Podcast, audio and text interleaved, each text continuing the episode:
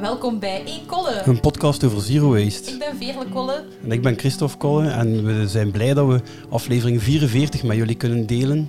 En het gaat nog wel wat meer gaan over delen, denk ik, vandaag. Ja, ja we zijn speciaal voor deze aflevering op een speciale locatie. Uh, we zijn op bezoek bij een gedeeld huis. Uh, bij ons zit ook een persoon die dat huis deelt. En de meeste luisteraars gaan hem misschien kennen van tv. Denk maar aan De Ideale Wereld, neveneffecten, maar ook het scenario van de dag heeft hij geschreven. Maar daar gaat het niet over gaan. Uh, nee. Ja, het gaat over iets helemaal anders gaan. We gaan het hebben over zijn huis. Bedankt dat we hier mochten komen, Jonas Schijnen. Met veel plezier, zeer welkom. Ik ben ook blij dat het de 44ste aflevering is. Dat is zo mooi. Het is geen rondgetal, maar zo'n symmetrisch getal. Ja. En, ja. Ja. Dat kun je onthouden voor als je nog eens wil luisteren. Ja, voilà, voilà. Ja, ja. 4-4. Kijk goed. Uh, maar je bent niet zo'n onbekende voor Christophe, hè? Nee, klopt. Wij hebben samen uh, animatiefilm gestudeerd uh, in een ander tijdperk. Ja. hebben wij aan de kask gezeten samen. En uh, dat waren heel toffe tijden, dus vandaar kennen we elkaar een beetje, twee animatoren. Ja. We hebben daar nog cellofaantjes zitten kleuren. ja, dat is echt, we zijn zo de dinosaurussen van de animatiewereld. Ja. Dus de computer deed zijn intrede toen dat wij daar studeerden. Zo oud zijn wij. ja, we hebben ze zien staan installeren de eerste. Hè? Ja. ja, klopt. Maar ja, het nu wel een en ander veranderd zijn. Ja. Hetgeen dat ik me het meest herinner, wat we deelden toen, dat was de passie voor de muziek van Madness. Dat ja, ja, juist ja, ja, ja, klopt. Ja, ja, dat is wat jullie toen delen, uh, maar nu deelde jij dus een huis, ja. uh, Jonas. En we zijn hier dus speciaal gekomen om het te hebben over een beetje alles wat er hier in dit huis gedeeld wordt. Uh, maar het leek me dus ook een boeiend onderwerp voor de Zero Waste podcast. Dan gaan we mm -hmm. minder verspillen. Dus ik denk, als je veel deelt, verspil je dan ook minder? Uh, waarschijnlijk wel. nee, ik denk dat wel. Um, nu, ik denk co-housing of, of samen uh, wonen of huizen delen bestaat in heel veel uh, vormen en smaken. Um, ik denk dat dat ook een beetje afhankelijk is van, van hoe dat je dat afspreekt met elkaar. Uh, en, maar ik denk in, in elk van die vormen gaat er wel zeker, een, denk ik, toch een positieve impact zijn op, op verspilling. Mhm. Nu, um, bij ons is het zo dat... Um, uh, wij hebben wel elk ons huis. Er is ook geen gemeenschappelijke uh, keuken of woonkamer of zoiets, maar wij komen wel zeer regelmatig bij elkaar uh, over de vloer. Tenzij dat er een of ander vis virus ons in een lockdown duwt, dan, dan hebben we even ook apart geleefd. Um, maar dat wil dan ook zeggen, regelmatig een keer samen eten. Hè. Als er iemand zegt, van, we hebben eten genoeg voor vanavond, kom er niet mee eten en dergelijke. Dus dat gebeurt wel heel vaak. Um, en uh, er zijn ook wel gemeenschappelijke um, uh, delen aan het huis, maar misschien moet ik kort even schetsen hoe dat, hoe dat het bij ons is ingericht? Of ja, komen we daar straks nog op terug? We hebben het hier al een beetje gezien ja. maar nog, voor de luisteraars is dit uh, niet ja. zichtbaar. Dus, dus ik zal heel beknopt de voorgeschiedenis geven van hoe dat we hier beland zijn. Um, op een gegeven moment kregen wij telefoon van Lieven en Sien, hè, dus onze buren, en die zeiden van ja, um, wij zijn aan het nadenken om ergens naartoe te verhuizen met een grotere tuin, maar wij zouden dat samen doen met een ander gezin of een ander koppel, want als je dan met twee iets koopt, ga je meer grond voor je geld krijgen en dergelijke. Um, en zijn jullie niet geïnteresseerd om daarin mee te stappen? En dan hebben wij gezegd van ja, houd je ogen open en als je iets ziet, laat het ons weten en dan zullen we er een keer over nadenken. En uh, nog geen week later, dus ik denk dat ze het toen al hadden eigenlijk, maar nog geen week later zeiden ze van ja, we hebben iets gevonden in Sint-Amansberg.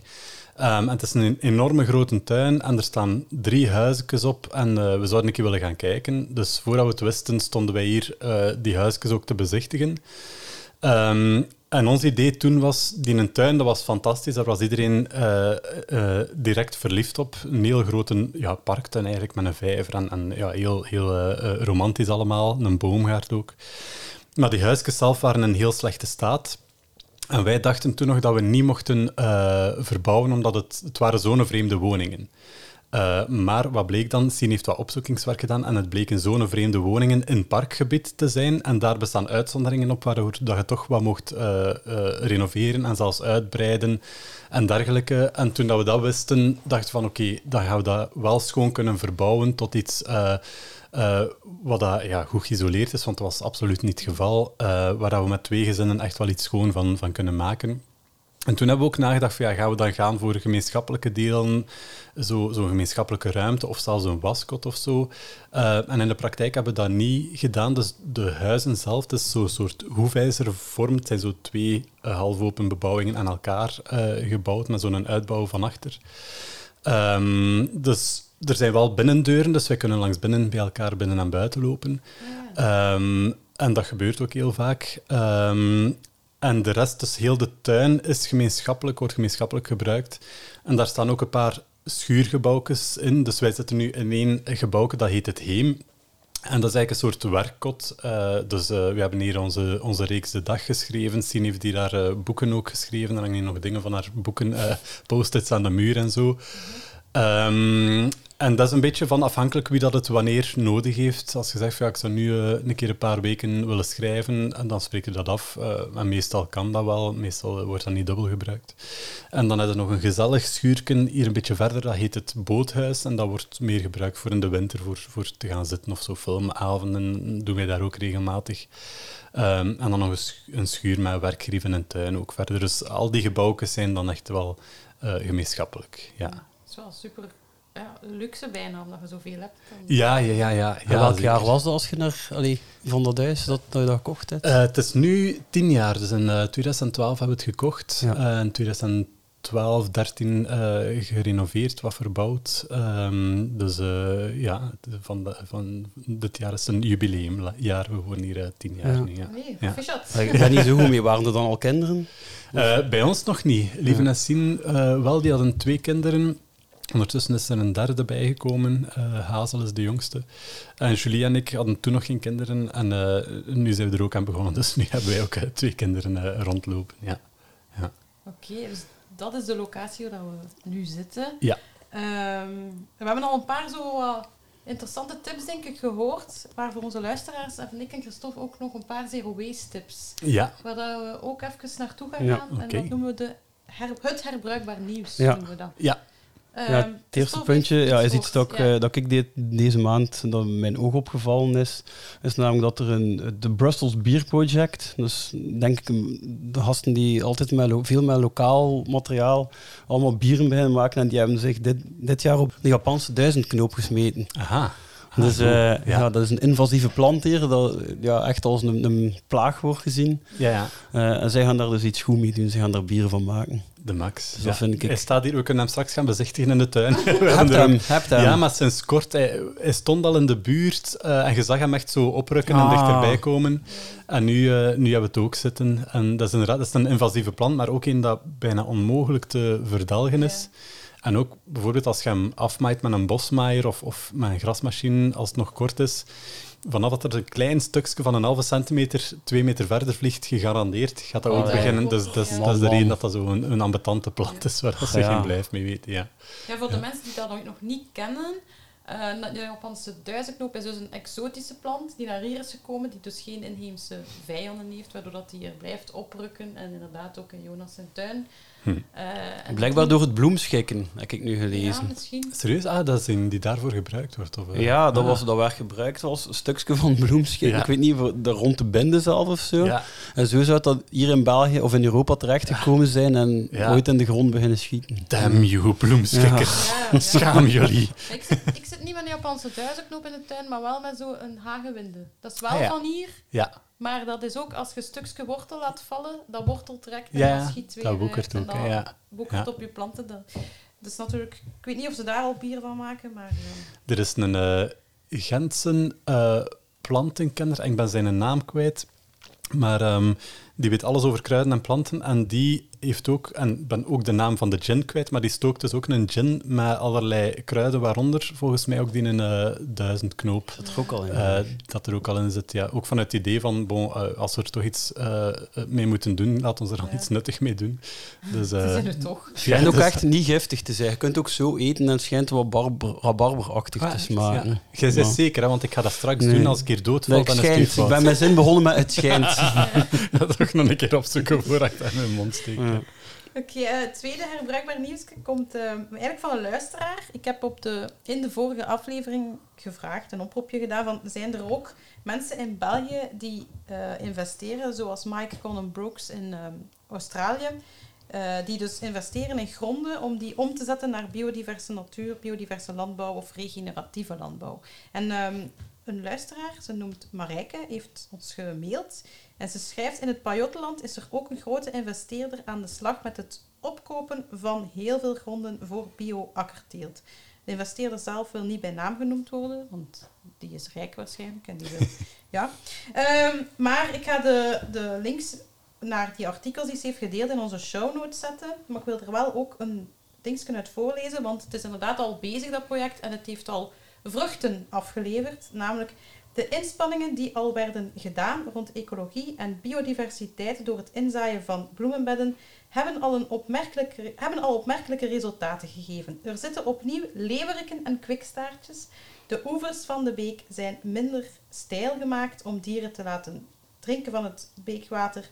En de gemengde stroken helpen ook, helpen ook erosie tegen te gaan. We lieten ook heel wat bijenkasten plaatsen. Al dus projectleider Koen Lammertijn. Voilà, dat is positief nieuws, vind ik. Ja, ja. Dat mensen gewoon zeggen, we kopen die grond en we gaan daar nu de natuur terug, teruggeven aan de natuur. Dus ja, dank u wel Marijke voor uh, dit herbruikbaar nieuws. dat is trouwens iets waar wij ook uh, mee bezig zijn. Um, dus toen we de, de tuin hier uh, kochten, nee, toen we de, de huizen en de tuin hier kochten, dat was een redelijk strak aangelegde parktuin. Ja. Uh, dus er stonden heel veel uh, heel mooie populieren, uh, maar dat was allemaal met, met zo, ja, een groot gazonperk en zo gemillimeterde buxushagen mm. en rhododendronstruikjes en zo. Eh, en dat zag er wel schoon uit, maar dat was niet echt onze stijl of onze smaak. Uh, plus dachten wij ook van ja, je kunt hier naar, naar biodiversiteit veel toffere en betere dingen mee doen. Um, maar we hebben wel uh, zeven jaar geleden iets heel traumatisch moeten doen, omdat die populieren die hier stonden, die waren meer dan 80 jaar oud. En sinds dat we het gekocht hadden, op, op uh, drie, vier jaar tijd, waren er vier van die knakkers omvergevallen. Maar dat zijn bomen van 6, 7 ton. We zitten hier langs een drukke baan ook. Onze huizen stonden ook onder die populieren. En dan hebben we twee boomspecialisten laten komen. En de eindconclusie was dat het uh, uh, eigenlijk niet meer verantwoord was om die te laten staan. Hebben we een kapvergunning aangevraagd. Dus zeer tot onze spijt zijn die bomen gerooid, maar we hebben toen wel uh, bomen heraangeplant. En dan hebben we echt met zicht op biodiversiteit een hele, hele variëteit aan uh, vooral inheemse bomen aangeplant. Dat is een houtkant geworden langs de kant van de straat. Um, en we doen nu ook aan, uh, aan maaibeheer, dat je zo sinusmaaibeheer, dat je stukken gras lang laat opschieten. Ja, en ja, voilà. Ja, ja, ja. een speciaal robotje daar rondrijdt. Ah ja, dat robotje hier, maar het robotje maait nu rond de huizen, maar uh, het grote grasperk kon die niet aan. Die werd er een beetje depressief van, die robot. maar, uh, en dat is wel tof om te zien ook, dat zijn eigenlijk, zeker aan maaibeheer, dat, dat, zijn, dat is een heel kleine ingreep, maar je ziet dat heel snel resultaat van in, in je vegetatie, in um, uh, soortenrijkdom aan, aan, insecten en dergelijke. Um, en je hoeft daar geen heel grote hof voor te hebben. Gewoon als je stukken laat opschieten, en één of twee keer in het jaar met een bosmaaier kort zet, dat, dat, dat geeft uh, ja, een enorm verschil naar, uh, naar soortenrijkdom. Ja. ja. Ja, het is ook heel groen als je... Als ja, we zitten hier echt op een schoon park te kijken. Ja, ja, ja. Een echt bos, hè. Ja, een beetje controlled chaos, als in van... De natuur gaat zijn gang, maar het is wel gecontroleerd. Ja, je moet het, je moet het wel... Er is veel werk in, in, in een tuin en, en ja, sommige soorten gelijk bramen en zo, dat moeten echt uh, uh, gaan controleren of dat woekert over alles. We hebben ook juist zo'n heel grote bamboebos laten uitdoen, ah, ja. uh, die, dat, die dat het aan het overnemen was. En... Um, we hebben heel toevallig, de vorige eigenaars waren hier gisteren om wat, om wat te babbelen en die hadden foto's mee van vroeger. En uh, in de jaren 20 uh, van vorige eeuw, dus 100 jaar geleden, was die vijver gegraven, maar dat was eigenlijk gewoon een soort grasveld met een paar jonge boomjes op en dan een vijver, maar dat, dat zag er helemaal niet, niet uit, gelijk dat dat nu uh, eruit Nu is het echt een soort bos geworden. Ja. Ja, ja. ja. Allee, ja, dat is alles is eigenlijk wel een beetje een win wat de tuin betreft, denk ik. Uh, ja. Maar we gaan over naar um, ja. onze win en veel. Waarmee gaan we beginnen? Ja. Win. ja. Ja, um, ja, Jonas, dus in elke aflevering vragen we aan de gast of die een uh, zero waste win heeft om met ons te delen. Ja, um, ik heb erover nagedacht en ik ben uitgekomen bij ik ben nogal uh, allergisch aan voedselverspilling. Um, En daar probeer ik ook echt op te letten. Ik zeg niet dat dat altijd even goed lukt. Ehm, maar uh, bij mij is daar ook een hiërarchie in. Van, oké, als je een halve krop sla die verlept is, die je moet weggooien, dat is jammer. Maar een halve biefstuk, dat gaat hier bijvoorbeeld nooit... nooit we eten al niet, niet heel veel vlees, maar vlees- en visverspilling is, staat helemaal bovenaan van hoe erg dat ik dat vind. Um, dus we proberen dat heel hard te vermijden. En nu ben ik ook begonnen, uh, uh, vorig jaar ben ik een beetje begonnen met zelf brood te bakken ook. En uh, ben ik ook begonnen met broodpudding. En dat is, dat is heel tof. Ik had dat nog nooit zelf gemaakt, broodpudding. Maar ja, ik merkte gewoon op een gegeven moment van ja, we, we ook met, met nu, kinderen die erbij komen enzovoort. Er wordt meer brood gegeten dan vroeger, maar we smeten ook heel veel weg als het brood oud was geworden.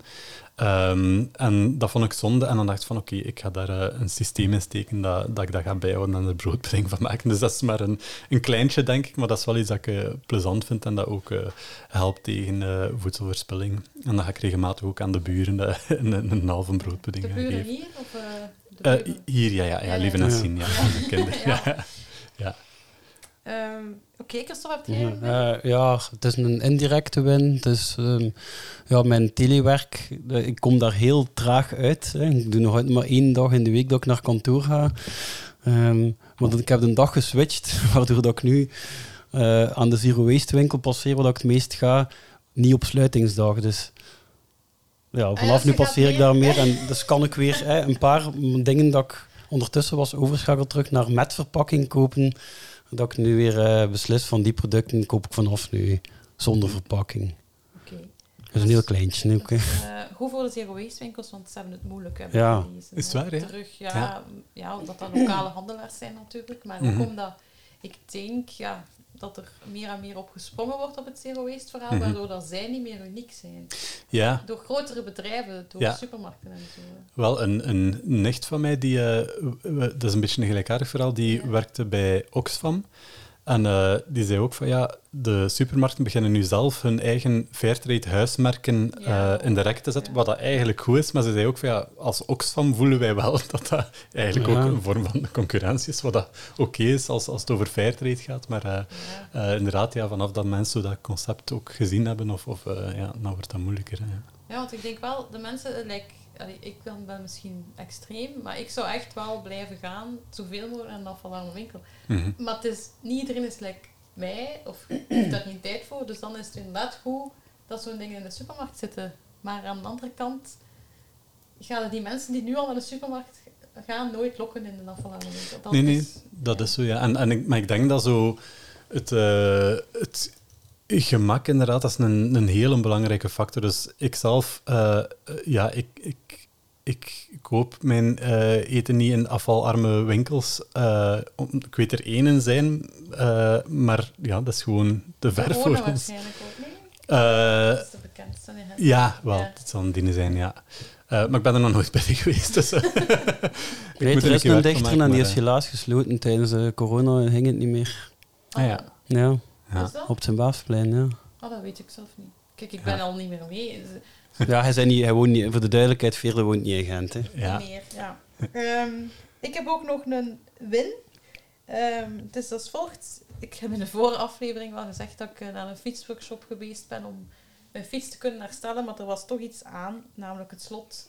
Uh, kon, ik heb zo'n kettingslot, zo, ik weet niet wat dat noemt. Hè, zo aan uw band zit er zo een golfje en je moet daar je ketting in steken, dat naar beneden duwen. Eh, de nieuwe slot, sloten zijn allemaal zo. Maar dat ging niet meer toe. Mijn ketting bleef daar niet meer in zitten. Dus ik ga naar de fietsenwinkel en um, daar probeert daar iemand dat te maken. Zegt, lukt niet. En hij gaat al in het magazijn om een nieuw uh, slot te gaan halen. En hij zegt, ja, dit nieuw slot gaat 50 euro kosten. Ik zeg, oh, zoveel. En dan denk ik, ja, maar Ali, dat is toch stom dat dan na twee jaar, want de slot is nog maar twee jaar, al kapot is. En dan uh, zegt hij, ja, want er is nog een technieker. En de technieker komt dan van jong gastje, allee, jonger dan mij, denk ik. En um, die, dat is zo een, die wou het maken. Ja. Die wou het echt maken. En die begon dat. En die begon met wc-papierstukjes en, en, en, en wat is het allemaal. Hij begon met van alles in mm. mijn slot te, te, te duwen. En ehm, ik zei, ja, moet ik dat thuis dan ook doen als dat kapot is? Is dat de manier dat het maakt? Jij mocht dat niet doen, ik mag dat doen, zeg zo. En dan, uh, ik zei, oké, het zal wel lukken, het zal wel maken. Ik zag daar zo ook in dat magazijn een pet hangen van, um, van Henk Rijkaard. Ik zag, ja, het is een maker. Ja. ja, Ik kijk naar de korterij. ik had zoiets van, het gaat opgelost raken. Ja. En het was zo, op een bepaald moment was het opgelost. moet je maker zijn? Moet je maker zijn? Ik dacht dat je maker moet zijn. Maker, ik, zeg ah, ik, zeg ook maker. Maar ah. wij zijn hip en happening. Hè. Ah, ja, sorry. Ja. ik weet, ja, of het makerbeurs of ja, whatever. Maar dus die, die gast wou het echt maken. En dan was het gelukt. Maken. Maken. Dus ja, dat moet wel consequent zijn. Met veel trots gaat hem zo naar... Allee, toont hij zo dat het weer werkt. Maar ik had het eerst niet gezien, dus hij moest het een tweede keer... Want ik was ondertussen met die andere mensen aan het babbelen over dat nieuwslot. Dan de tweede keer toont het nog een keer. En het was gemaakt. Het slot was gemaakt. Dus ik moest dat nieuwslot niet kopen. Ook al had een ander nog gezegd dat ik 20% afslag kreeg. Ja. moest het niet kopen. En dan ja. zit, dat, zit die maker dan... Ja, kijk, nu heb ik wel een verkoop uh, gemist. Maar uh, jij kunt terug naar huis met een, uh, een gemaakt slot. Ik moest niks betalen. Ja. Dus voilà, dat was eigenlijk een beetje een win, want ik had bijna iets nieuws moeten kopen. Terwijl het niet nodig was. Ja, ja. dan was de andere weggespeeld. Ja. Het ding wat er gebeurd was, dat was eigenlijk mijn fout, denk ik. Ik had er met wat olie op gezeten en dat mocht het dus niet doen. Ah, oké. Ik had het verstopt. Ja, oh, ja je had ook verschillende soorten olies. En, uh, ja. Ik heb in de workshop... Uh, heeft mij wel dingen bijgeleerd, maar nog niet alles. Ja, dat doe ik soms. Ja, slot. Ja. maar ja, dus ik kan nog niet alles zelf maken, mij iets jammer genoeg. Ik heb toevallig ook zo'n win ja gedacht. Gisteren toevallig gebeurd effectief. Zo twee vrieke jonge meisjes die ergens zo er, uh, het was een cijferslot. En dat bleef hangen. Ah, dat bleef hangen, ja. ja. Er twee fietsen stonden aan elkaar, was vrij zielig. Die waren naar de winkel geweest. En uh, ik probeerde de eerste keer, het lukte ook niet. En ze ging al naar haar mama bellen, die dan een klein eindje met een auto ging rijden en mijn schaar ging afkomen om dat slot door te oh. knippen. En dan heb ik het toch gevonden wat we moesten doen om dat open te krijgen. En wat was het dan? Wel, ja, ze zei met het cijferslot wat het was. En ik had alleen maar de, ja, de, de gemakkelijk bougeerbaar. Maar aan één had ik nog niet gedraaid. En die had ik zo'n keer 360 graden gedraaid. Het was een die die niet volledig pakte, blijkbaar. En dan, hup, ging dat open. Allee, ja. zo heldhaftig. ja. ja, vooral winnen. Ja. ja Met de juiste muziek onder moet dat vrij heldhaftig geweest zijn. Ja, als je wel. Um, de, we gaan nu naar het negatieve nieuws, de fail. Zero waste fail. Beginnen we weer bij Jonas? Ja, is goed. Um, dus um, uh, gisteren met een auto gereden en uh, de benzinetank was leeg. En in plaats van te tanken, heb ik de auto weggesmeten en een nieuwe gekocht. Dat is niet waar. ik ik was denken, ah. Ja, ik wou gewoon een keer de, de blik in jullie gezichten zien als ik dat soort uh, verhaal zou vertellen. Nee, nee, dat is niet waar. maar um, ja, ik heb zo wel zitten, uh, zitten denken, maar ik denk dat ik het gewoon niet te ver moet zoeken. Um, wij zitten met, met twee heel jonge kinderen, eentje van 0 jaar, eentje van 1 jaar. En wij gebruiken wegwerp, wegwerppampers. En ik weet dat dat absoluut niet goed is en dat er alternatieven voor zijn, herbruikbare luiers enzovoort. Uh, maar wij doen dat niet, dus wij zijn die klootzakken die dat allemaal uh, in een restafval gooien. En uh, ja, voilà, dus dat merk je enorm ook aan, aan, uw, ja, gewoon het volume van uw restafval, die pampers. Dat is, ik denk dat ik niet overdrijf als dat bijna de helft is van uh, wat wij buiten zetten. Ehm, en ik heb ook geen, um, ik heb ook geen deftig argument ter mijn verdediging. Het is gewoon echt uh, uit uh, luiigheid en, en gemakzucht dat we die alternatieven nog niet bekeken hebben. Dus ja, voilà. En denk je dat het misschien een keer gaat bekijken? Of gaan uh, ik zou nu kunnen zeggen ja, en dat zou heel sympathiek overkomen. Uh, wel, uh, er is nu een, een um, herbruikbare luierenwinkel vlak bij ons. Dus misschien moet ik wel een keer de moeite doen om daar langs te gaan. Uh, want die gaan ons ook uh, advies kunnen geven. Ik moet mij misschien eerst al een keer gewoon gaan informeren en dan kan ik nog beslissen. Maar zolang dat je dat niet doet, gaat het toch bij die wegwerpluiers blijven. En uh, voilà. Dus. Ja, het is wel intensief, denk ik. Maar ik denk dat er inderdaad wel alternatieven zijn van de alternatieven die de tijd besparen. Ah, ja. Maar ik heb geen ervaring om te Ik weet niet of het bestaat, maar ja, ik, mijn dochter is negen en toen... Uh, ja, negen jaar geleden was ik daar ook helemaal nog niet zoveel mee bezig. ja, ja, ik had wel in mijn omgeving een paar mensen die zo zeiden van, ja, doe je dat nog niet, waaronder velen, denk ik. Um, Maar ik weet dat er toen een maat van mij bezig was in Gent, met, eh, want hij was ons ook aan het proberen te stimuleren. Hij zegt van, allee, als er dan nog wat meer doen, gaat dat lukken. Van een soort systeem met, met eh, bakfietsen, die overal de vuile luiers gaan op, ophalen en weer proper brengen. Kakfietsen eigenlijk. Kakfietsen. Ja, ja, de kakfiets. ja. Bestaat dat? Nee, maar dat is wel een goede Maar naam. toen, toen, toen zat hij bij een initiatief die het aan het proberen opstarten was. Maar hij heeft dat uiteindelijk niet gedaan, dus ik weet niet of dat nu uiteindelijk ook werkt of niet in, in Ja, Gent. ja. Ja, misschien dat de luisteraar die nu luistert. Ja, in de steden, in de steden, ja. Hij zei zo, in de steden moet dat dan toch echt breed gedragen beginnen worden.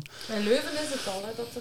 Ja, want inderdaad, dat, was, dat is niet vergelijkbaar. Wat- hoeveel afval dat hebt als je dat wel of niet doet, dat, is, dat neemt een groot deel in. Ja. Toen, nou, Ja. dat- ja, dat herinner ik mij ook nog. Mhm. Ik, stond, daar- ja, en ik, ik heb mij al veel afgevraagd, nu zoveel jaren later, moest ik nu, hoe principieel ik daar nu zou in zijn. Ja. Want nu ben ik daar, eh, onder andere door met die podcast bezig te zijn, eh, veel meer in... Ja, Ja, want zo gelijk een vliegtuig niet pakken is mij wel gelukt, zo ik weet niet hoe lang. Ja. want dat is ook- ik, vraag me uit af wanneer ik dat wel nu weer ga doen. Want dat is, dat is al altijd... Hey, het is nog nooit zo... De laatste keer dat ik het heb gepakt, was het voor het werk. Ja. En, en ja, dat vraag ik mij ook af, hoe principieel dat dan nu... Hoe dat je verandert, ja, dat weet ik niet. Ja. Ehm, ik zal naar mijn fail gaan. Ja. Ja, ik had een... ehm, ja, ik had dringend mijn camera... Allee, ja, ik had, ging samen met mijn, voor mijn schoonbroer zijn werk ging ik een filmpje maken en ik ging het filmen doen. Eh, de, een weekendje gaan filmen, echt. En dus ik, mijn... eh, eh, ja, ik had al gewoon mijn camera mee, niet zoveel geriefs. eh Eén reservebatterij en één reserve SD-kaartje, zo ook dat mee is altijd. En ik vond mijn, mijn SD-kaartje niet, mijn extra SD-kaartje, dus ik had er wel één. En ehm, ja, dan toch ja, eentje gaan halen. Hè. Dus ervan verschoten, ondanks de crisis, dat sinds de laatste keer dat ik een SD-kaartje heb gekocht, dat dat wel toch goedkoper is geworden ten opzichte van toen. Dat was een positieve verrassing, maar ja. En uiteraard, wat is er dan gebeurd? Ja, ik heb die tweede dan toch nog gevonden. Ah, nee. Ja. Ja, Ik heb ook geen reserve nodig gehad dat weekend. Dus, ja. Ja. Ah, maar ik zoek wel nog een Ik heb er nu drie. Ehm, mijn fail eh, was een beetje op het werk. We hadden een kleine receptie voor iemand zijn verjaardag. Mhm. En ehm, er was iemand om, om... Het ging sowieso non-alcoholisch zijn, want dat was iemand die niet dronk. Mhm. En eh er ging ook chipjes en al zijn. En het ging allemaal veggie zijn. maar hoort al aankomen. Ik dacht, ja, het is allemaal veggie. En toch zat er zoiets in. Ik, ik smaakte zo'n chipje en ik zei, dat smaakt een beetje rokerig. Is dat niet met ham? Nee, nee, nee, nee, nee. nee. Dat- Allee, ik wil niemand blamen, want ze dachten allemaal dat het veggie was. Ja. En de volgende dag zie ik die in een zak liggen. En het staat echt met bacon en het was met stukjes ham in. Ja. En ik voel me daar natuurlijk schuldig voor, dat ik dus als vegetariër alweer eh, een keer... Ja, maar ik denk dat elke vegetariër dat wel meemaakt. Dat Ja, ja, Oh, ja. Ja. Ja. Wij hebben... ehm, eh, maar de laatste tijd doen we dat niet, niet meer, maar... ehm, eh, voordat wij naar hier verhuisden, een jaar of... eh, meer dan tien jaar geleden, deden Julie en ik zo soms themaweken. Ehm, en dat waren altijd een soort uitdagingen dat wij deden.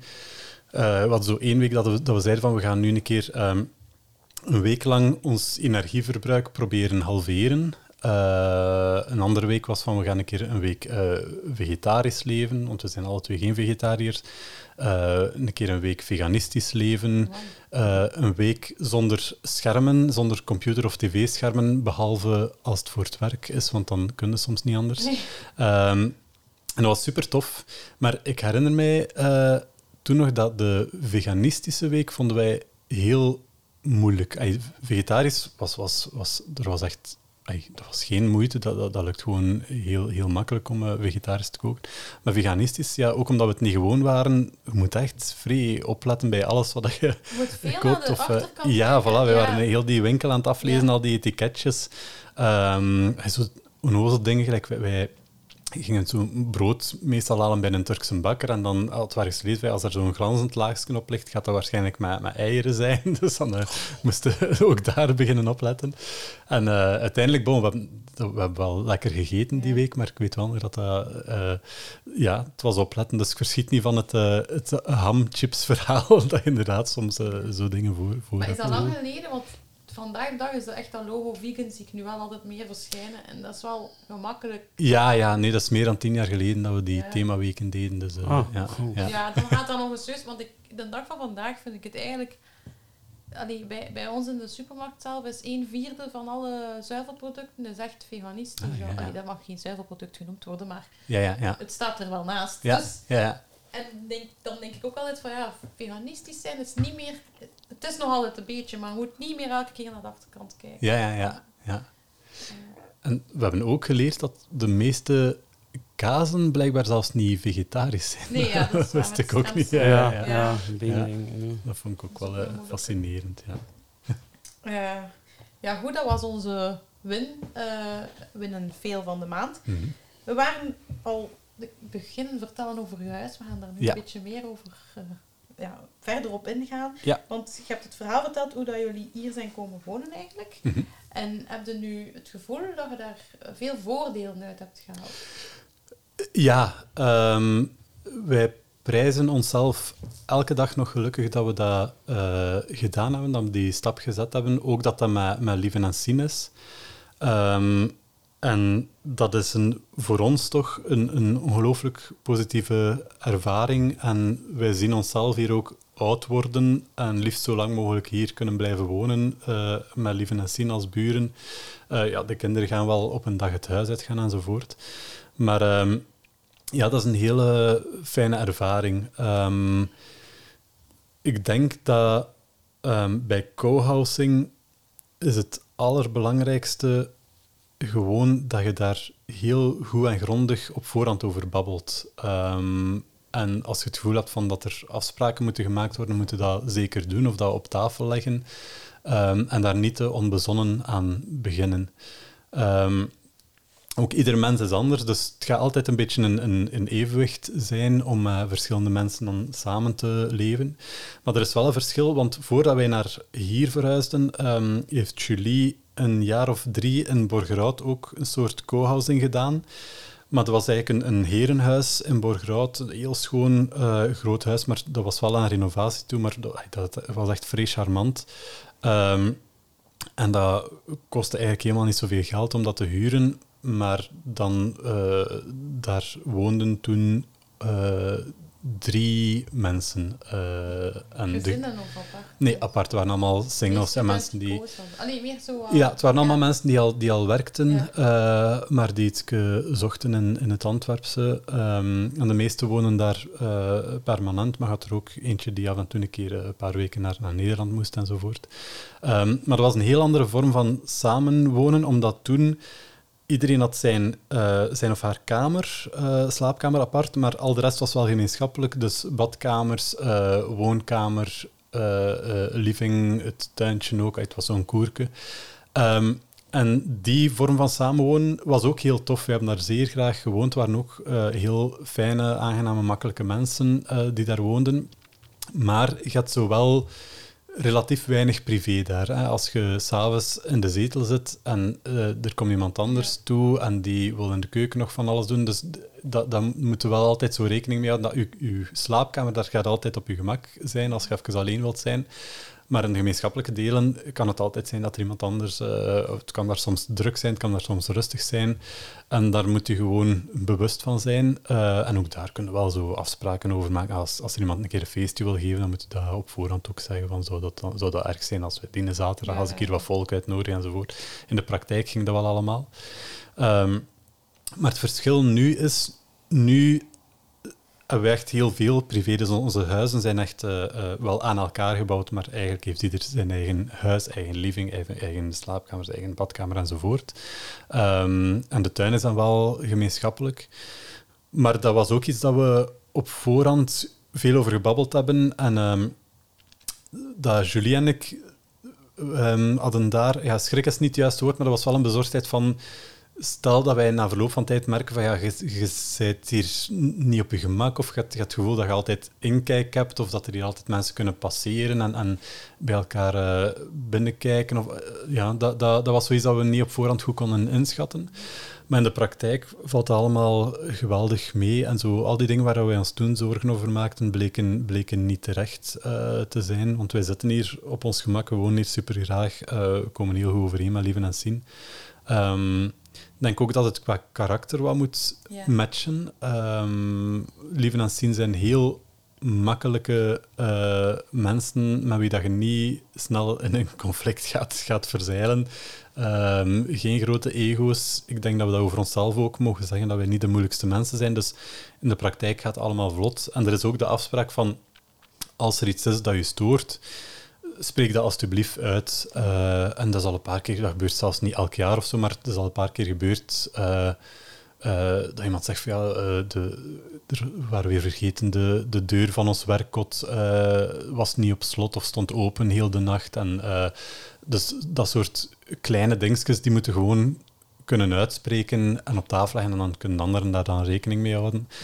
En ja, dat gaat allemaal heel vlot. Maar het is wel belangrijk dat je daar ook op voorhand over babbelt.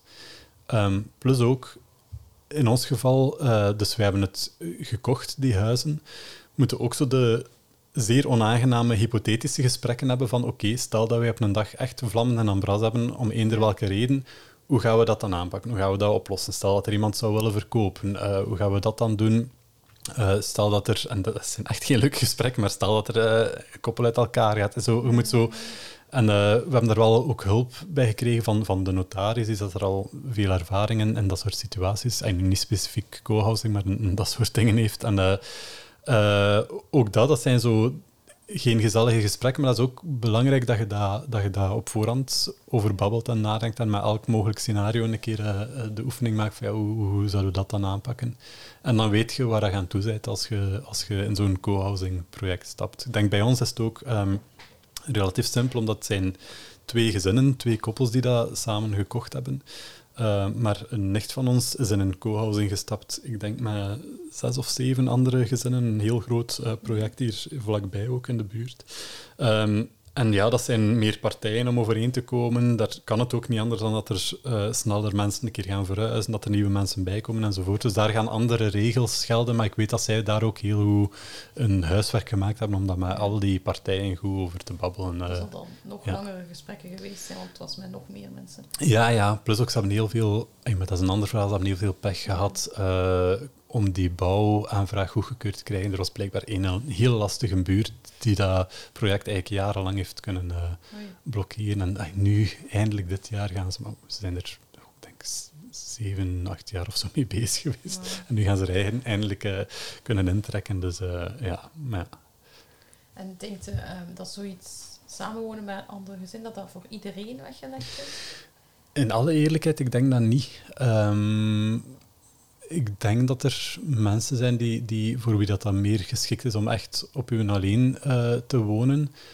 Um, maar ik denk um, dat, dat voor veel mensen die dat nog niet overwogen zouden hebben, dat er eigenlijk wel, wel een, een uh, een interessante denkpiste is. Ik, denk, ik vind dat dat nog relatief weinig gebeurt, ik zal het zo zeggen. Uh, en ja, in onze generatie zie je dat wel stilletjes aan dat dat een beetje aan het opkomen is. Maar het blijft nog altijd iets uh, eerder uitzonderlijk uh, dat mensen in een co-housing project stappen.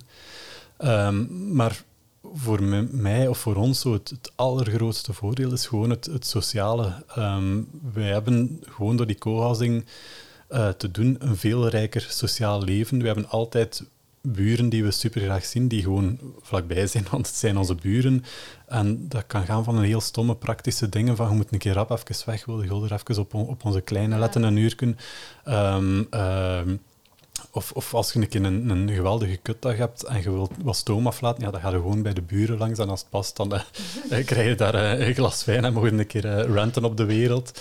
Um, er zijn, dat gebeurt vaak dat wij hier s'avonds toekomen, uh, dat er hier een, een kampvuurken is in een hof uh, met vrienden van Lieven en Zien en dan, dan mogen wij ons bijzetten en omgekeerd ook. Dus het moet niet meer allemaal zo gepland zijn, uw sociaal leven. Soms gebeuren er ook gewoon uh, dingen waar je dan bij kunt, kunt aansluiten. En dat vind ik het allergrootste voordeel. Wij zitten niet meer op ons eilandje als, als koppel of als gezinnetje nu.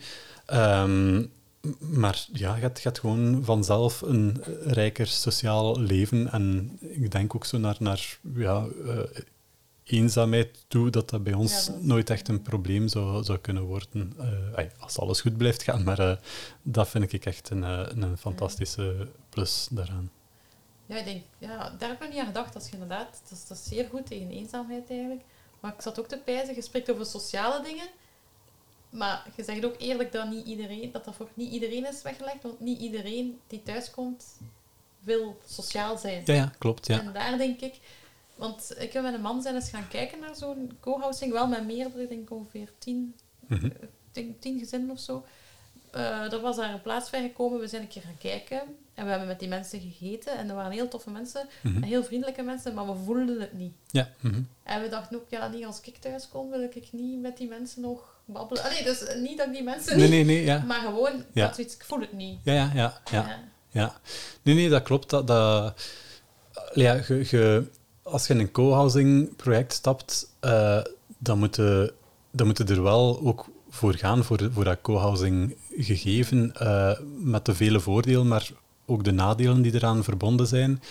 Eh, als je ergens een, een bouwproject met, met, met tien woningen stapt, in een co-housing, en je sluit je op in je eigen woning binnen dat project, dan zijn je niet aan het co-housen, dus dan denk van, dan is het misschien niet iets voor u. Ehm, nu ja, dat kan ook zijn dat er mensen, dat, dat zal ongetwijfeld vaak gebeuren, dat mensen daar, daarin stappen en na een tijdje merken van, het ligt ons hier niet, en dan, dan kun je nog altijd eh, voor iets anders kiezen ook. Ehm, dus ja, inderdaad, dat, dat, dat klopt. Het zal zeker niet voor, voor iedereen zijn, maar ik denk dat het voor, voor meer mensen een goede vorm van wonen is dan, dan die het nu al doen eigenlijk. Ja. Uh, mag ik je vragen? Te, uh, ja, hoe dat notarieel, hoe dat je het hier verdeeld hebt? Met jullie, is dat volledig al, alles van jullie beiden? Het is een ongelooflijk ingewikkeld. Ja. Omdat je zit... Uh, ja, ik ga, ik, ga, niet altijd technisch worden, maar dus, uh, de tuin is verdeeld in verschillende percelen die ook zo op het kadaster staan. Um, en uh, onze, het privégedeelte van onze woning is in het geval van mij en Julie 100% ons eigendom. Bij Lieve en Sien is dat 100% hun eigendom. Maar wij zijn ook uh, zelfstandig. Dus uh, Julie en ik hebben een zaak, Lieve en Sien hebben ook een zaak. En een stuk van de huizen, de bureaugedeeltes, staan dan op de zaak. Dit hier ook. En de tuin en de gemeenschappelijke uh, bouwsels, zoals de, de theem en, en boothuis en de schuur, dat is een, een, onverdeeldheid van de BVBA's. Dus het is echt het is vreed. de notaris heeft er heel zwaar op zitten zwoegen om dat allemaal geregeld te krijgen. Oh, um, dus uh, ja, het is, het is ingewikkeld. Ja. Maar niet elk project hoeft zo ingewikkeld te zijn als het onze. Ja. Ja, want is België is dat ook nieuw voor België? Allee, dat, dat zo de notaris al, kunnen ze daar rap mee weg? Of, of is dat zo, oei oei, wat gaat dat nu doen? Uh, nee, ik denk op zich, uh, op zich die, die, die wettelijke kaders die zijn er wel. Het was, hier lag het gewoon aan de, aan de situatie, uh, namelijk twee, twee koppels. Um, private eigenaars, dan twee bedrijven ook. En, en het feit dat de, de percelen zo ingewikkeld waren, maakt het een beetje moeilijk. Um, en het was ook zo'n iets... Ik weet niet meer hoe dat juist zat, maar... Dus die actes moesten getekend worden, maar moesten in een bepaalde volgorde, omdat eigenlijk als je de ene akte tekent voor de andere, dan waren eigenlijk wettelijk gezien, konden dat niet doen, omdat die andere pas vijf minuten later uw eigendom ging. Dat was zoiets vrij raar. We hebben ook iets funny gedaan, dus... Um, hoe zat het nu weer? ja, om van, dus uh, jullie zijn ook binnengekomen langs de poort. Ja. En om van uh, daar naar ons privégedeelte te geraken, moeten wij over een stuk uh, perceel van, van Lieven en Sien en van de, van de BVBA's, ook van de, de bedrijven. Um, dus moeten daar in uw akte ook iets zetten over erfdienstbaarheid, dat je ah, ja, met, je, ja. met je auto of je fiets over andermans grond Ja. naar uw privéstukje kunt. En wij hebben daar voor de grap een looping in getekend. Dus, uh, en geen looping die over kop gaat, maar zo een, een, een krol eigenlijk. Hè. Dus, uh, die, die is hier in werkelijkheid niet, maar op het plan staat dus dat wij met een auto een rondje moeten rijden om tot bij ons te geraken. En de notaris vond dat ook wel vrij grappig, dat we dat zo opgelost hebben. Ja. Ja. Ja. Maar dat is misschien al een van de nadelen dat je kunt opnoemen aan, aan co-housing, is het papierwerk. Ja, dat zal, dat zal, ja, dat zal een beetje ingewikkelder zijn dan, uh, Ja. dan een, een klassieke uh, aankoop van een woning. Dat is, dat is wel zo. Maar dat is niet onoverkomelijk. Dat is ook eenmalig. Hè. Je moet daar ene keer goed over nadenken en, en je goed in laten adviseren. Um, en dan, dan, ja, dan komt dat wel goed. Ja. En zijn er nog nadelen waar je aan denkt? Of hier misschien niet? Want je vindt... Allee, Goh, toch? Ja, zo bijvoorbeeld, ik zie dat er hier eh, een, een laadpaal is voor, eh, voor de elektrische wagens. Bijvoorbeeld de stroom daarvan. Ja. Dat is dan toch ook zo weer zo'n detail dat je moet... Ah, wel, ja, ik kan zeggen dat... eh, ehm, dus eh, dat is ook iets dat gedeeld wordt trouwens, de, de auto's. Ehm, dus ik ga niet zeggen dat wij eh, weinig auto's hebben. Eigenlijk, wij, hier- wagenpark is dat hier, hè? We zijn met vier volwassenen en er staan, eh, er staan drie wagens. En van welke bedrijven zijn die dan? Wel ja, dus bon, wij, hebben, wij hebben één, Julie en ik hebben één auto, dat is die een grijze Toyota die daar staat. Eh, er is een, een Volkswagen Beetle, dat is van Lieven en Sien. Eh, en dan de elektrische auto die hier staat, eh, die is eh, eh, ja, bedoeld als gemeenschappelijk, maar in de praktijk is het eh, vooral Lieven die ermee rijdt, omdat hij de meeste verplaatsingen maakt naar optredens en dergelijke. Ehm, maar inderdaad, ja, dus eh, dat is ook iets dat... eh, ik ga het ook niet te technisch maken, maar in ons geval is... dus we hebben, het zijn drie huisnummers en alle drie de huisnummers hebben een aparte meterkast voor gas en elektriciteit. Ehm, maar al de gemeenschappelijke delen die zitten op onze meterkast. Dus er is wel, eh, dus van Julie en ik, dus er is wel een, een, een aparte teller ook tussen onze teller en hier. Maar waar dat wij nu zitten, de elektriek ook van die laadpaal, ehm, dat is allemaal, dat komt op ons elektriciteitsfactuur. Dus dat moeten we wel zo'n beetje bijhouden van... ehm, eh, dus in het geval van, van die, een, die een auto die hier oplaadt, wij weten ongeveer hoeveel kilowattuur dat die een eh, oplaadt. En daar moeten we gewoon ook afspraken over maken. Dus nu, want ik heb toevallig twee weken geleden zo'n keer van de voorbije jaren zo een keer alles eh, schoon opgeteld en uitgerekend van, van verbruik, omdat we dat onderling een keer moeten verheffenen. Ehm, en eh, ja, dus dat is een beetje, eh, dat is een beetje puzzelwerk, maar dat hangt ook af van, van, van co-housing tot co-housing. Ik denk, en de meeste, zeker als het nieuwe projecten zijn, heeft iedereen gewoon zijn of haar meter en de gemeenschappelijke delen, daar zijn dan afspraken over. Dat is in, in appartementsgebouwen ook, dus ehm, dat hoeft niet zo ingewikkeld te zijn als hier. Ehm, maar eh, ja, voilà, dus dat, is- dat is ook een beetje eh, tellen. En ook, wat dan een belangrijke is, eh, vind ik, ehm, je m- moet, je moet er oké mee zijn dat gaat nooit tot op de euro correct zijn. Hè? Nu maken wij zo ook een inschatting van ja, Lieven heeft misschien 90% van de tijd de elektrische auto gebruikt en wij 10%. In werkelijkheid kan dat ook 80-20 of 95-5 zijn. Dus als je dan eh, eh, die elektriciteitskosten doorrekent, dat gaat nooit tot een euro juist zijn. Dat gaat ook niet. En dat moet ook wel oké mee zijn dat zo als er gemeenschappelijke kosten zijn enzovoort, je moet dat niet tot op de laatste cent willen, willen uittellen. Een eh, beetje geven en een beetje krijgen. voilà, ja, ja, ja. We hebben over energie gesproken. Ehm, er zijn mensen die ook effectief gaan co-housen omwille van energieverbruik te minderen Mhm. Ja. eigenlijk, omdat het deelt. Dus om ecologische redenen. Ja. Was dat ook een van de redenen eigenlijk dat jullie, of is dat een van de redenen geworden?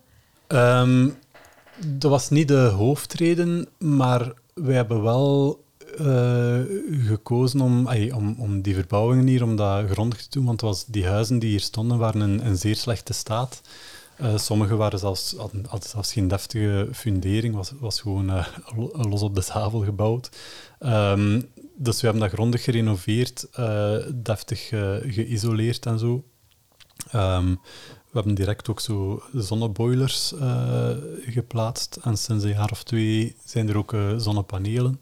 Ehm, dus ik denk dat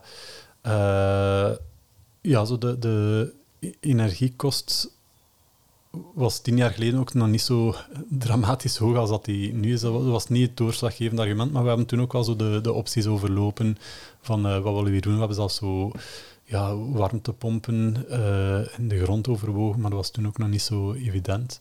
Ehm, maar dat is ook een dat we binnenkort gaan doen. Ik denk binnen twee weken komt hier een, eh, omdat we nog een kleine verbouwing plannen in, in het middelste gedeelte van het huis.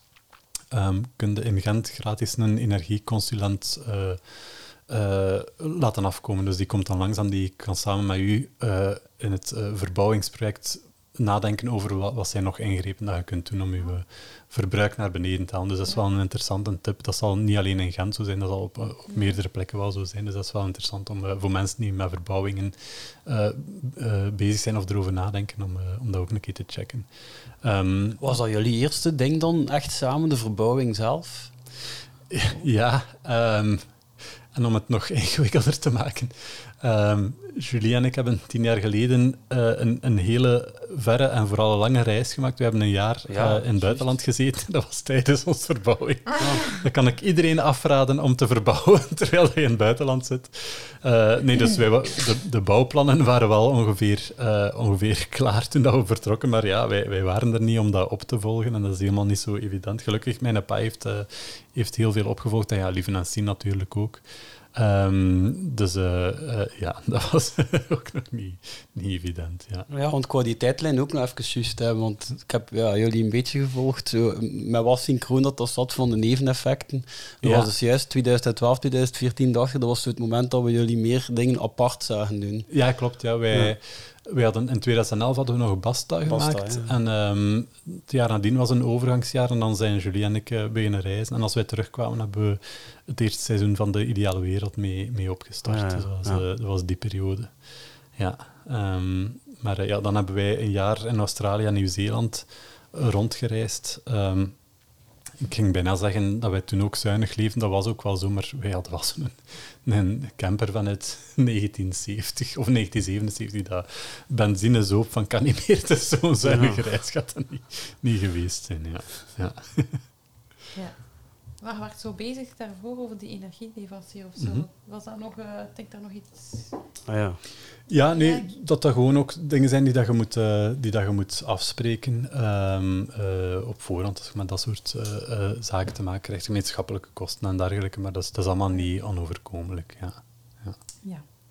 Ehm, we hebben een paar vragen gehad, van, ook van mensen die in zo'n grotere co-housing Mhm, systeem wonen. mhm. Eh, ik heb trouwens even mij wel voorbereid ook. Ik heb hier eh, op de, de website van samenhuizen.be, u Ah, ja. misschien bekend. Ja. Want voor Mhm. de luisteraars ook de site om naartoe te gaan, Ja. denk ik, als je info zoekt over co-housing en co-wonen. En daar heb ik zo gezien dat je dus verschillende soorten co-housing hebt. Co-wonen, dus een autonome woonst met gedeeltelijke ruimte. Ik denk dat jullie dat een beetje hebben. De- ja, dat zal, Ja. dat zal inderdaad geen eerder zijn. gedeeltelijke binnenruimte. Eh, nee, dus ja, ja. dit wel. Dus, wel. voilà, ja. Ja.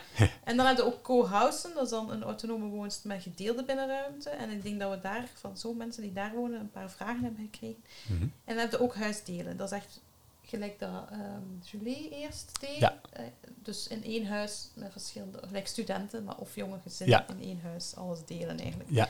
Oké, we gaan eens luisteren naar ehm, de eerste vraag die we binnen. Het is, eh, je gaat het horen. Ja. ja. Van, van wie? Van? Eh, van eh Evelien. Evelien. Oké. Evelien, ja.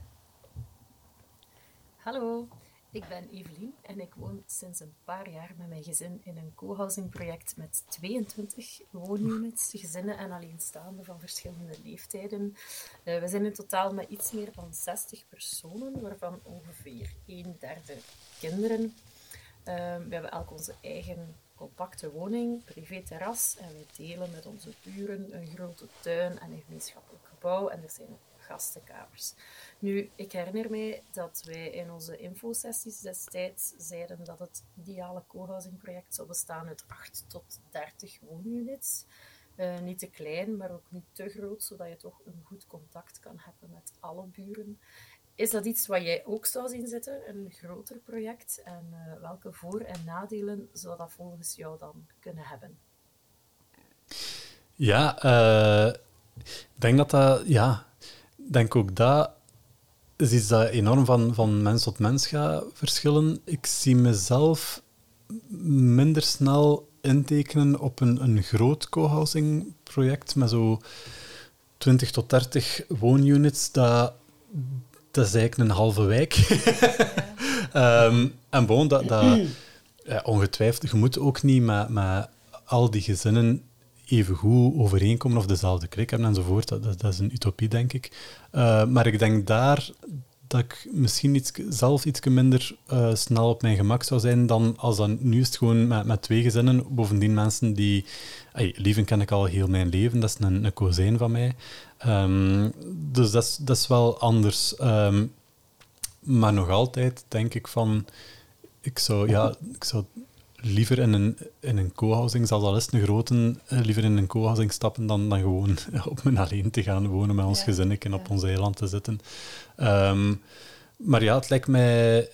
Ik, ik heb nog nooit die ervaring gehad. Eh, dat lijkt mij ook wel, ook wel leuk, maar ik denk gewoon dat dat een, een, een andere vorm is en dat je ook ja, meer, eh, meer afspraken moet maken. ehm, en eh, ja, dat je daarvoor moet, moet openstaan. Er zullen mensen zijn voor wie dat zo grotere projecten meer op hun lijf geschreven is. Eh, ik denk ook dat dat wel heel tof kan zijn als je, als je met jonge kinderen zit, maar ook, eh, ehm, ze vertelt dat het daar met verschillende leeftijden is. Dat, is. dat is ook iets dat ik, eh, dat ik wel een grote voorstander van ben. Ehm, ik vind dat toffer dat, dat zo alle generaties in zo'n co-housing zitten, dan dat je zo met één generatie Ja. zeg maar dertigers zoiets uit de grond stamt en samen eh eh, oude mannetjes wordt.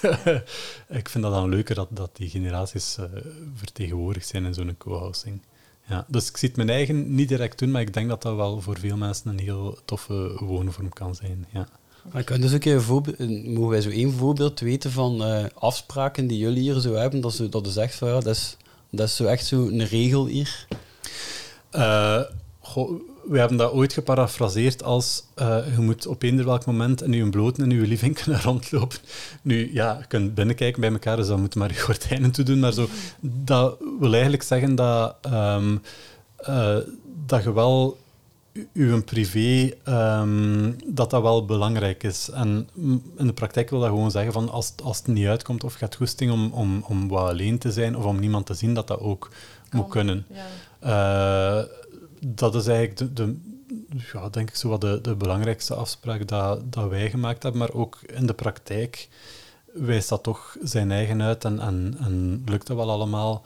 Ehm, maar bijvoorbeeld, eh ikzelf en Lieven ook, en Sien eigenlijk ook, wij zijn, wij zijn opgegroeid op de buiten, waar dat, dat ook normaal is dat mensen gewoon een keer binnenspringen eh, en langs de achterdeur kloppen en hallo en goeiedag en een koffieke en, een- en, een- en, en, en, en een koekje krijgen en dergelijke. Ehm, Julie is opgegroeid in de stad, waar dat, dat absoluut niet zo was. Zij, had een, eh, ze, ze woonde op een appartement in, in Berchem. En die is dan niet gewoon van mensen die zo spontaan binnenspringen. Dus dat was voor Julie dan wel zo'n soort aanpassing van ja, hier kan dat wel gebeuren. Dat, dat, we hebben veel familie ook in de buurt wonen. Eh, mijn broer woont hier op een paar honderd meter verder. Mijn ouders sinds kort nu ook. Ehm, en dat was wel zoiets dat ze even aan moest wennen. Maar dat ligt dan niet aan de co-housing, maar eerder aan, eh, aan eh, ja, dat we... Dat we ja, dat onze familie dat zo wat gewoon is en dat dat ook kan, kan gebeuren. Maar ook daar kunnen we wel afspraken rond maken en dergelijke. Ehm, maar ik denk dat dat beter is, gelijk in ons geval. We hebben er op voorhand veel over nagedacht, veel over gebabbeld. En in de praktijk was het allemaal makkelijker eh, dan dat we gedacht hadden. Maar ik denk dat het beter zo is dan omgekeerd dat je ergens instapt en denkt van oei, ja, nu, nu ja, ja, voilà, ja. Want je, dat is dus belangrijk eigenlijk, hè? ook je grenzen kennen. Hè? Ja, En dat zeker. van een ander, want Ja. je zegt dat je ook deuren binnen hebt. Ja, Dat is zoiets dat ik zou vrezen van, ja, als ik dan alleen wil zijn en ervoor geklopt, Ja. nee zeggen is ambetant dan toch voor de ander om dat te horen. Allee, dat zou ik dan... ja, ja, nee, dat klopt, maar, maar, maar ook dat... ehm, Dat wordt gerespecteerd. Ja, en je moet dat vooral... Dat gebeurt nu niet, niet, niet vaak of zo, want... Bij mij is het dat vaak.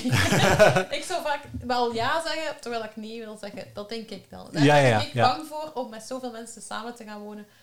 Het feit dat, dat inderdaad dat iemand over mijn grenzen gaat. Ja, Ja, maar daarom dat dat, dat dat ook belangrijk is om dat wel uit te spreken. En als je gewoon zegt van... ah, eh, eh, de, de, de buurman, buurvrouw springt binnen, dat je gewoon kunt zeggen van "Oh, ik heb echt een, een eh, ellendige dag, ik heb even goesting om alleen te zijn. Dat is ook geen waardeoordeel over, over Nee, uw gewoon, dan. ja. Dus dat, dat kan gewoon gebeuren en dan, dan er is, het is veel beter dat je dat wel durft uitspreken. Maar ja, bon, wij zijn... eh, Gelijk dat je thuis je broer en je zussen... daardoor durfde dat toch ook tegen Ja, zeggen? ja, die- voilà. ja, Ja. zo dicht moeten we wel bij elkaar komen dat je Ja. dat moest durven zeggen. hè. Ja, ja, ja. Een beetje, Ja. ja. Ja. ja, nee, dat klopt. Gaan we naar de volgende Ja. vraag? Dus eh, geen, geen audiovragen. Nee. Het is een vraag van, van Benno. Ehm heb je veel moeten vergaderen op voorhand? Dat heb je eigenlijk al beantwoord. En wordt er nu nog regelmatig echt zo vergaderd Ah, ja. over eh, de praktische zaken? Ja, eh, er wordt nog vergaderd. En we- wij noemen dat met een zekere ironie de, de landheerzitting. dus dat zijn... eh, daar, daar, dat is ook niet ehm, op vaste tijdstippen of zo. Dat is gewoon als er een paar dingen moeten besproken worden, dat we zeggen van gaan we nog een keer een, een landheerzitting doen.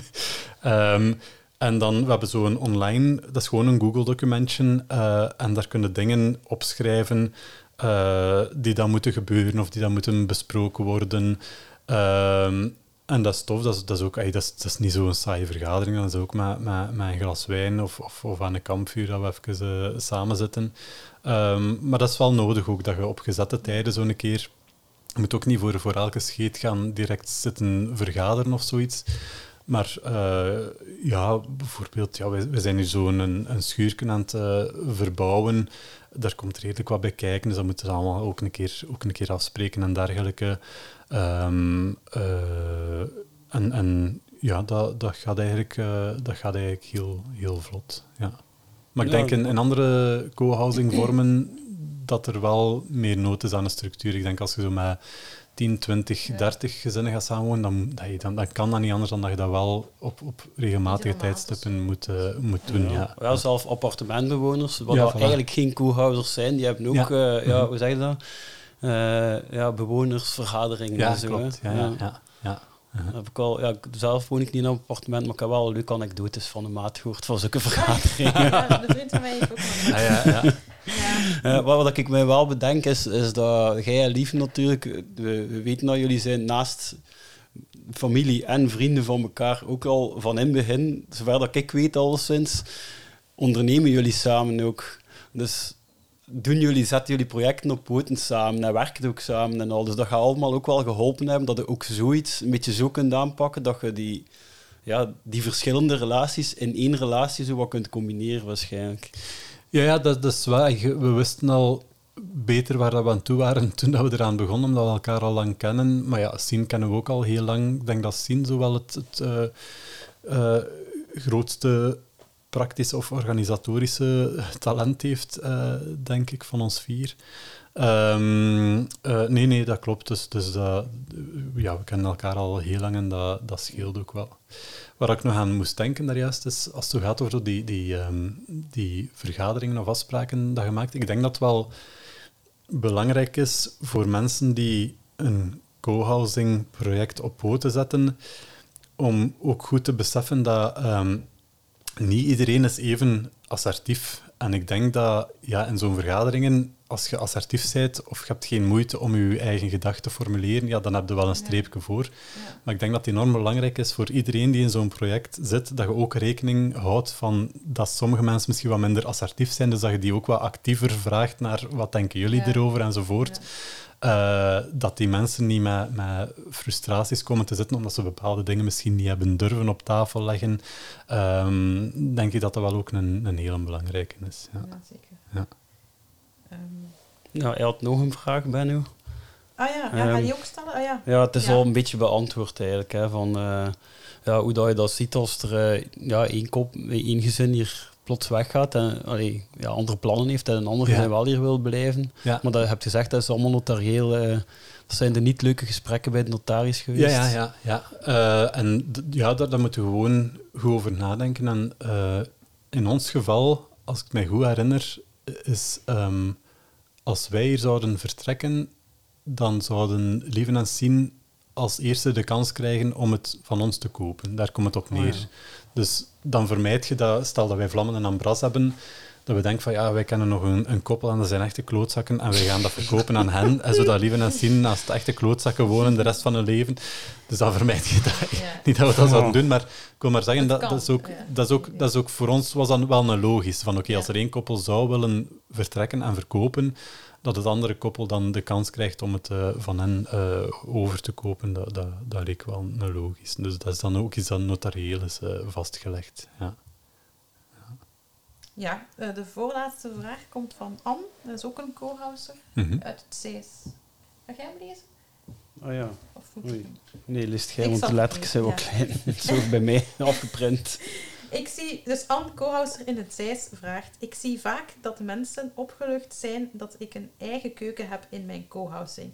Welke reacties krijg jij? Krijg jij ook vaak bizarre vragen of vreemde blikken? of rare dingen?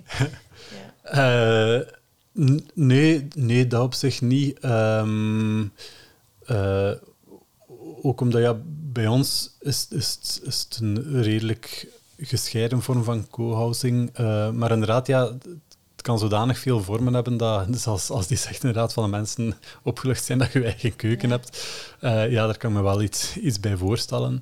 Ehm, maar ik zeg het, dat is ook iets tijdens de verbouwing dat wij wel even overwogen hebben eh, om zo gemeenschappelijke delen ehm, te, te maken, of een keuken of een, een woongedeelte dan. We hebben dat uiteindelijk niet gedaan.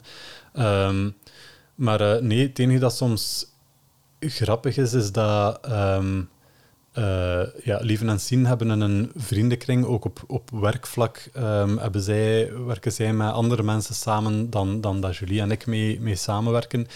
Maar je hebt ook wel wat overlapping soms, dus soms komt het te horen van, van mensen die je kent van ah, ik ben in uw geweest en het was er plezant. En, eh, eh, dus dat er al meer mensen eh, die het hier kennen dan dat je soms zelf eh, weet, omdat ze dan bij Lieven en Sien al zijn langs geweest.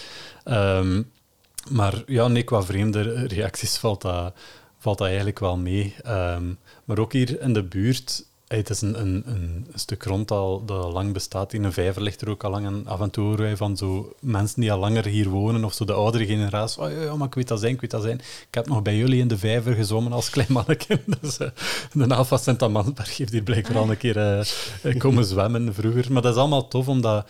Dat vind ik ook leuk aan, aan waar we nu wonen, is zo... Um, ja, dat is een plek met, met een hele lange uh, geschiedenis. En nu zijn wij daar een, een, een, onderdeeltje van. En voor ons was het in handen van een familie. Daarvoor er heeft hier een, een, pastoor gewoond. Daarvoor was er van een andere pastoor. We hebben nu heel recent ontdekt dat de, het oorspronkelijke uh, gebouw dateert uit 1870. En dat is gebouwd door een pastoor. En dat was een zekere Leo Mailleux. En Julie heet met haar familienaam ook Mailleux. Wow. Dus we gaan nu binnenkort een keer bij iemand van de familie die zo van met stambomen bezig is, een keer uitzoeken of dat, dat toevallig ja. geen... Hey, hoe schoon zou dat zijn dat zo na 150 jaar ja. die een cirkel rond is, ja. dat er hier weer een Mailleux woont. Ja, het was een pastoor, dus uh, dan... Ja, ja bon, maar die kan ook uh, broers en zussen zijn. Ja, dat kan ook familie zijn. Ja, ja, ja, ja, um, ja, de laatste vraag van Karel, dat is wel nog een mooie om uh, mee af te sluiten. Okay. Dag Jonas, ik ben Karel. Ik ben zelf al vijf jaar lid van een kleinschalig co-housing project in Gent. Uh, met kleinschalig bedoel ik zes appartementen in het uh, centrum van Gent. Ik heb eigenlijk twee vragen voor jou. Mijn eerste vraag is, als je aan een co-housing project begint, heb je allerlei ideeën, idealen, verwachtingen ook. Um, in hoeverre heb je die al moeten bijstellen of zijn die al veranderd of geëvolueerd um, sinds de bewoning? En mijn tweede vraag is, heeft co-housing jou eigenlijk als persoon al veranderd? Um, heeft het jouw karakter beïnvloed of uh, ben je zelf al tegengekomen, heb je jezelf al beter leren kennen? Ja, ja heel toffe vragen. Um, uh, om op de eerste te antwoorden. Ja, het is inderdaad zo dat als je in een co-housing project stapt, is er altijd een zekere uh, factor van het ongewisse. Van je, kunt je daar wel iets bij voorstellen of een idee hebben van dat gaat zo en zo en zo zijn. Uh, en in de realiteit gaat dat, gaat dat altijd uh, anders zijn dan het idee dat in je hoofd zit. Um, bij ons was dat ook zo, maar in ons geval, um, ik heb er in het begin ook al even over gehad, is, is dat eigenlijk alleen maar positief. Dus eigenlijk uh, alle mogelijke problemen of uh, pijnpuntjes of moeilijkheden waar wij in het begin over nagedacht hebben, in de praktijk hebben die zich niet voorgedaan en is dat over heel de lijn een, een veel leuker um, uh, ding geworden dan dat, wij, dan dat wij zelfs gedacht hadden. We dachten wel dat dat leuk ging zijn, maar um, zo dingen waar dat wij schrik voor hadden, dat bleek dan uh, niet terecht. Dus uh, ja, onze verwachtingen zijn bijgesteld, maar in dit geval in de positieve zin. ja, ongetwijfeld zal het ook gebeuren dat dat bij, bij sommige mensen anders is, die, die misschien een iets te idealistisch of romantisch beeld hebben van het, het co-housing. Um, ja, het hangt ook heel hard van, vanaf van de mensen met wie dat je dat, met wat dat je dat doet en wat die hun verwachtingen zijn enzovoort. Um, dus uh, ja, maar dat, dat uh, ja, ik zou zeggen voor mensen die, die eraan twijfelen, ja, denk daar goed over na, maar, maar laat het misschien ook niet te veel uh, het, idee hypothekeren. Uh, want ik, ik denk dat, dat mensen bij wie, die in co-housing stappen, bij wie dat, dat echt tegenvalt, ik denk echt dat dat een heel kleine minderheid is. Ik denk dat, dat voor de meeste mensen een heel uh, positief verhaal is. Dat hoop ik toch, maar ik denk wel dat dat zo is.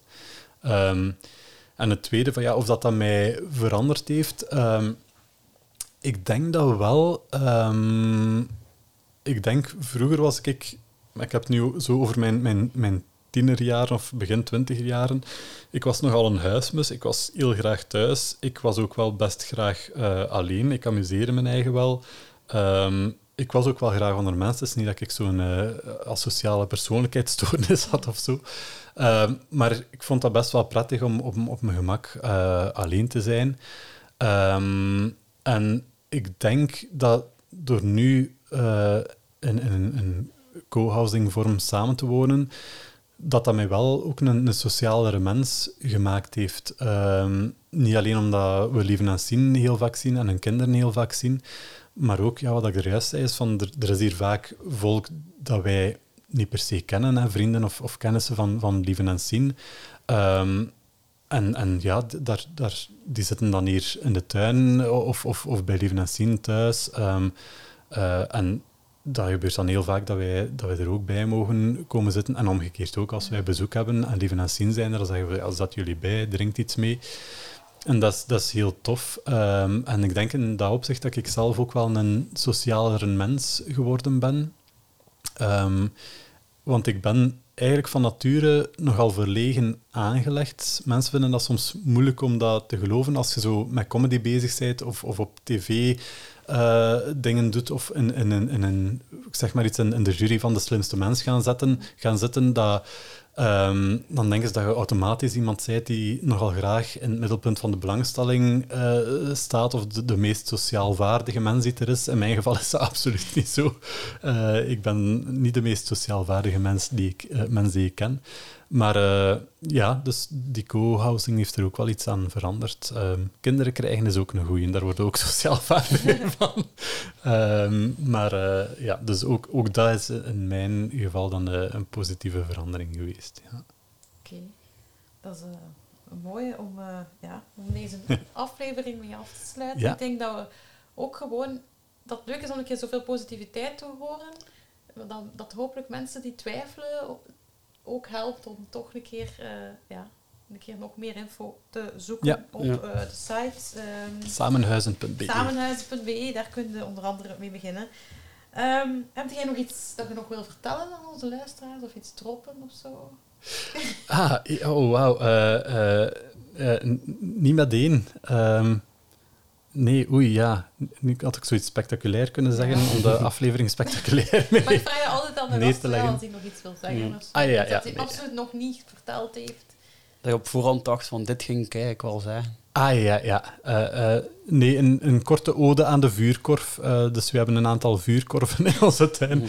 En die hebben ons ook een beetje door, door ja. corona geloodst. ja, we hadden de chance dat we een, een grote tuin hebben. we hebben ons altijd aan de regels gehouden, maar toen dat we buiten mochten afspreken met mensen, hebben de vuurkorven hier ja. overuren gedraaid. Voor mij is dat misschien, als ik zo eh, onze co-housing associëren met één iets, dan is zo het beeld van een kampvuur. Er zijn hier zeker in de zomer vaak kampvuurtjes uh, met heel leuke mensen er rond. Uh, en dat zijn voor mij ja, dat zijn, de hoogtepunten van het jaar, als je met fijn, fijn volk rond een kampvuur, rond een vuurkorf kunt zitten. Dus misschien met die gedachte de podcast afronden of zo. Ja. ja. Ja. Oké, okay, dus hiermee sluiten we af. Als je op zoek zet naar de informatie die we gedeeld hebben, dan kan je terug terecht op de show notes op mijn website veerlekolle.be slash zero waste podcast. Vergeet ook niet te abonneren als je dat nog niet gedaan hebt, want dan krijg je altijd een melding als er een nieuwe aflevering is en er komt er zeker nog eentje aan. Ja. Uh, dus tot de volgende keer. Dankjewel Jonas. Met plezier. Oké, ja, en volg ons ook op sociale media als je dat nog niet doet. Hè. Um, Tot de volgende. Yo. Ciao. Dit was alweer een aflevering van E-Kolle, de Zero Waste podcast. Abonneer je op ons podcastkanaal om op de hoogte te blijven van nieuwe afleveringen. Alle info, bijkomende filmpjes en websites bij deze aflevering kan je vinden op veerlekolle.be slash zerowastepodcast. Een boodschap inspreken of een vraag stellen kan je doen via speakpipe.com slash zerowastepodcast. Ons tracteren op een koffietje. Dat doe je via buymeacoffee.com slash zerowastepodcast. En tenslotte zitten we ook op sociale media, Facebook en Instagram. Je kan ons vinden onder Zero Waste Podcast. Tot de volgende keer en bedankt om te luisteren.